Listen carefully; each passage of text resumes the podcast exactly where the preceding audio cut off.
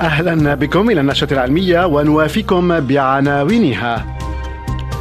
الماس الاصطناعي يعزز سوق المجوهرات العالمي. مركبة أوديسيوس التابعة للشركة الأمريكية الخاصة Intuitive Machines تتجه نحو القمر من دون تسجيل حوادث حتى الساعة. معطيات جديدة حول ثقب أسود يمتص من المادة ما يعادل شمسا كل يوم. أحجار الماس الاصطناعية غيرت قواعد اللعبة في سوق مجوهرات الماس العالمية البالغة قيمتها حاليا 89 مليار دولار. ففي الولايات المتحدة أكبر مستهلك للماس الطبيعي في العالم باتت 37% من خواتم الخطبة اصطناعية. تحسن الإقبال الاستهلاكي على الماس الاصطناعي بفضل بلدين هما الصين والهند اللذين هما من أكبر منتجي الماس الاصطناعي في العالم. في غياب الاحتكار الاصطناعي ونظرا لانخفاض أسعار أحجار الماس الاصطناعي تحفز الطلب عليها. فوافق تجار التجزئة في مدينة سورات غرب الهند حيث تقطع وتصقل 90% من الماس في العالم. انخفض سعر الماس المصقول ذي الجودة المنخفضة عيار واحد قيراط من 2400 دولار في العام 2022 إلى حوالي 1000 دولار في العام 2023 ولكن كيف تصنع أحجار الماس غير الطبيعية وبأي تقنيات؟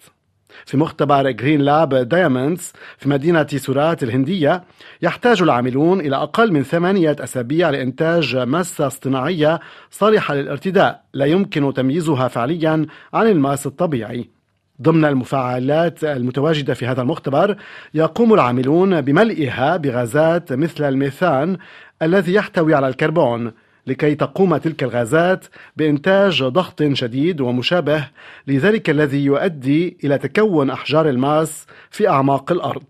وبعد ذلك يسقط العاملون بداخل المفاعلات شظايا ماسية يطلقون عليها البذور التي تنمو تحت تأثير الحرارة والضغط. المنتج النهائي من الماس الاصطناعي وبعد أن يقطع ويسقل في منشآت خاصة يصبح شبيها بخصائصه الكيميائية والبصرية لنفس خصائص الألماس الطبيعي. الشركة الأمريكية الخاصة Intuitive Machines تحبس أنفاسها قبل ساعات قليلة من هبوط مركبتها أوديسيوس على سطح القمر في خطوة ذات رمزية عالية. إذا تكللت بالنجاح ستكون أول عملية هبوط لمسبار أمريكي على سطح القمر منذ نهاية برنامج أبولو في العام 1972 سيتعين على مركبة أوديسيوس التي يزيد ارتفاعها عن أربعة أمتار وجهزت بست أدوات علمية تابعة للنازا أن تدرس البلازما القمرية أي طبقة الغاز المشحون بالكهرباء وستقيس موجات الراديو المتأتية من الشمس والكواكب الأخرى أما الكاميرات المثبتة تحت المركبة فستحلل كمية الغبار التي ستنجم عن عملية الهبوط من أجل مقارنتها بما سجل خلال عمليات هبوط مهام أبولو. بفضل الألواح الشمسية التي على متنها يفترض أن تعمل مركبة أوديسيوس لسبعة أيام بدءا من لحظة هبوطها المقررة ليلة هذا الخميس. وبخصوص الموقع الذي سيكون بمثابة مهبط للمركبة فهو يتواجد على بعد حوالي 300 كيلومتر من القطب الجنوبي للقمر ضمن فوهة تسمى مالابير آ تيمنا بعالم فلكي من القرن السابع عشر. الثقب الأسود الأسرع نموا المعروف حتى الآن تبلغ كتلته 17 مليار شمس.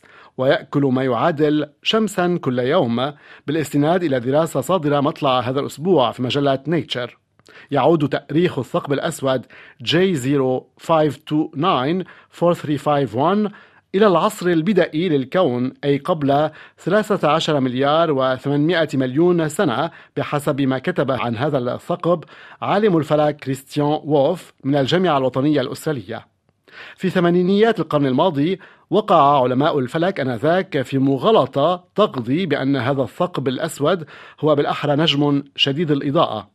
إنما حصل التصحيح بشأن الثقب الأسود الأسرع نموا والذي حدد العام الماضي على أنه نجم زائف بالفعل أي كويزر. هكذا تصل النشرة العلمية إلى نهايتها.